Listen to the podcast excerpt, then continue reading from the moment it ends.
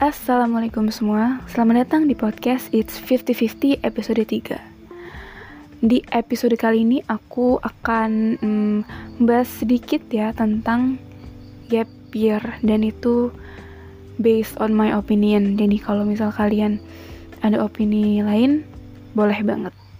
Selamat mendengarkan.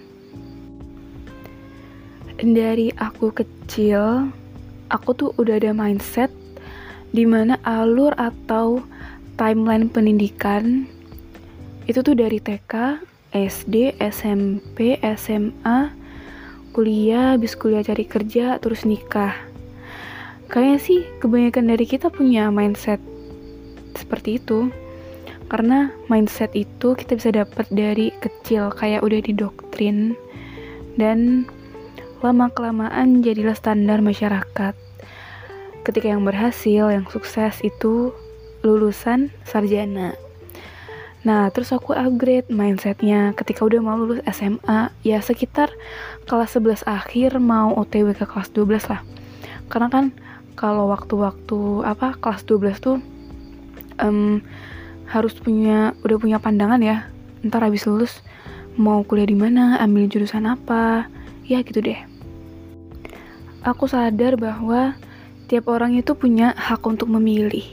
Mereka bisa memilih habis lulus SMA, entah mau langsung kuliah, atau ada yang mau traveling dulu, healing, karena capek ya, atau pengen langsung kerja, cari uang sendiri, atau mungkin emang butuh waktu jeda aja sebelum masuk ke dunia perkuliahan. Atau juga karena ente, karena next try. Udah coba sana sini tapi belum rezeki. Dan pilihan-pilihan um, yang lain. Menurutku sih standar masyarakat tuh ada karena banyaknya orang yang melakukan suatu hal dan banyaknya orang juga yang mengikuti jejak itu. Di mana hal tersebut bisa membuat kita diterima di suatu komunitas atau lingkungan. Tapi balik lagi, bahwa tiap orang punya turning pointnya masing-masing dan uh, struggle-nya juga. Sebenarnya kadang kita tuh butuh lah society standard dia bisa jadi patokan atau reminder, tapi bisa jadi toksik, tergantung dari gimana kita menyikapinya. Kalau untuk sekarang sih aku lagi OTW keluar dari standar masyarakat dan mulai um, membuat atau membangun standar bagi diri aku sendiri. Karena yang tahu sampai mana usaha yang bisa aku lakukan dan patokan seperti apa yang bisa aku jadikan tolak ukur ya dari diri aku sendiri situasi kayak gini nih termasuk ke dalam fase turning pointku yang bisa mendorong aku untuk pelan-pelan keluar dari zona nyaman. Dan butuh waktu yang cukup lama untuk menerima keadaan bahwa aku lagi gap year. Kadang masih denial, banding-bandingin diri sendiri dengan orang lain, insecure juga. Ya nggak apa-apa sih, nggak ada yang salah dari perasaan-perasaan itu. Toh dengan adanya mereka juga merupakan bagian dari pendewasaan diri. Aku bakal agak banyak omong ya di episode ini.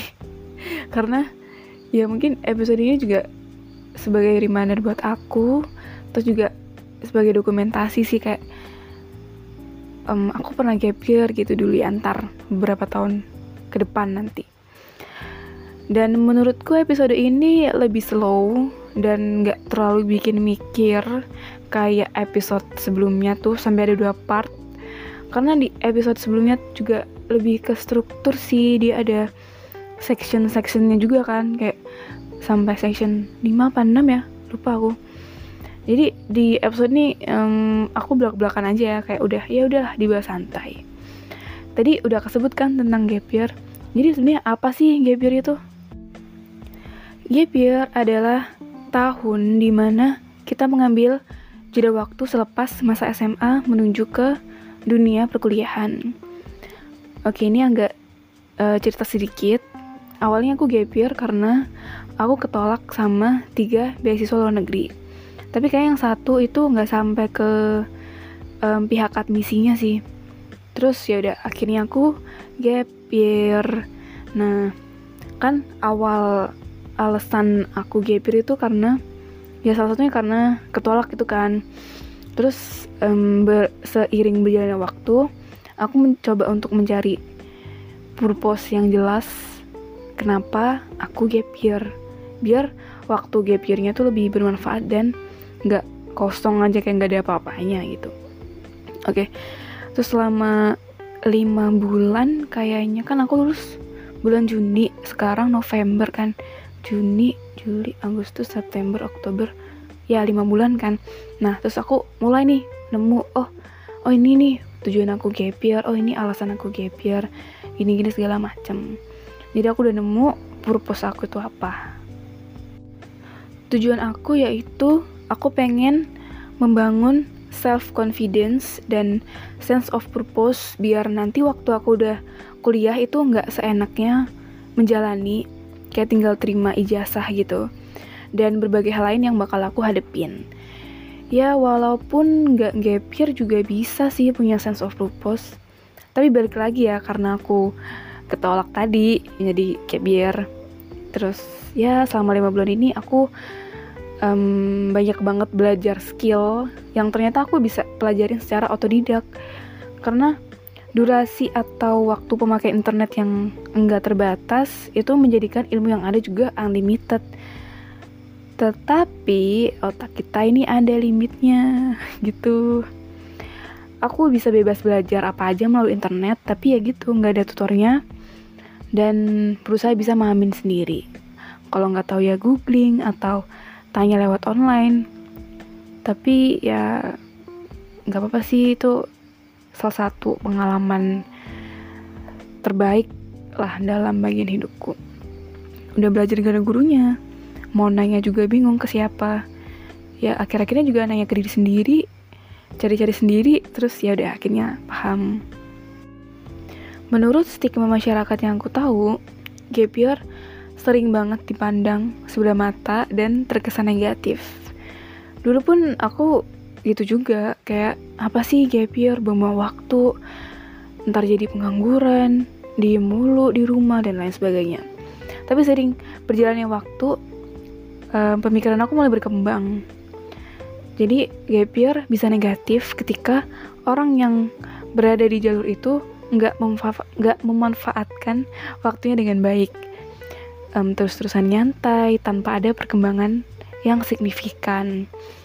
Dan gap year bisa dipositif ketika orang tersebut bisa memanfaatkan waktunya secara bijak. Nah, gimana sih cara biar gap yearku ini bisa positif dan punya purpose atau tujuan? Jadi, waktu awal aku sadar bahwa oh, aku lagi gap year nih, mau ngapain ya? Nah, di situ timbul banyak banget pertanyaan tentang diri aku sendiri ini mau dibawa ke mana. Mulailah aku mencari-cari kegiatan yang bisa dilakukan untuk mengisi waktu aku gap year.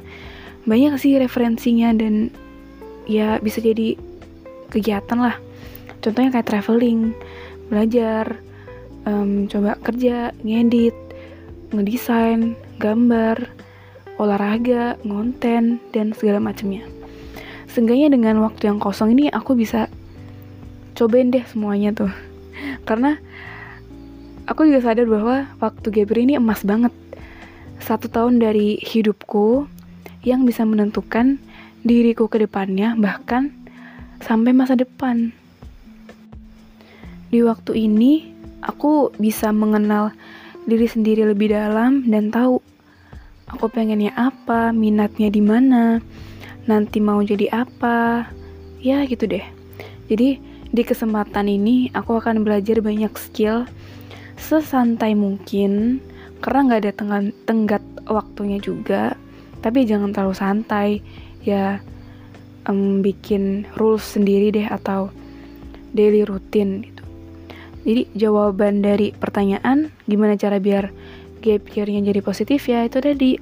Dengan berusaha mengenal diri sendiri mengetahui apa yang ingin dicapai dan mencari tahu bagaimana caranya untuk sampai ke impian tersebut dan jangan lupa untuk merealisasikannya juga. Ngomong-ngomong soal sense of purpose, sepenting dan seperlu apa sih sense of purpose? Nah, jadi um, punya sense of purpose itu berarti um, memberi kita alasan yang jelas untuk apa yang ingin kita lakukan seperti tujuan yang membuat kita ingin ber, uh, belajar, bekerja, atau hal yang lain. Kita hidup di dalam dua macam situasi antara kita berada dalam kondisi karena sense of purpose atau karena sense of obligation atau rasa kewajiban. Jadi, rasa kewajiban atau sense of obligation adalah perasaan bahwa sesuatu adalah hal yang benar untuk dilakukan.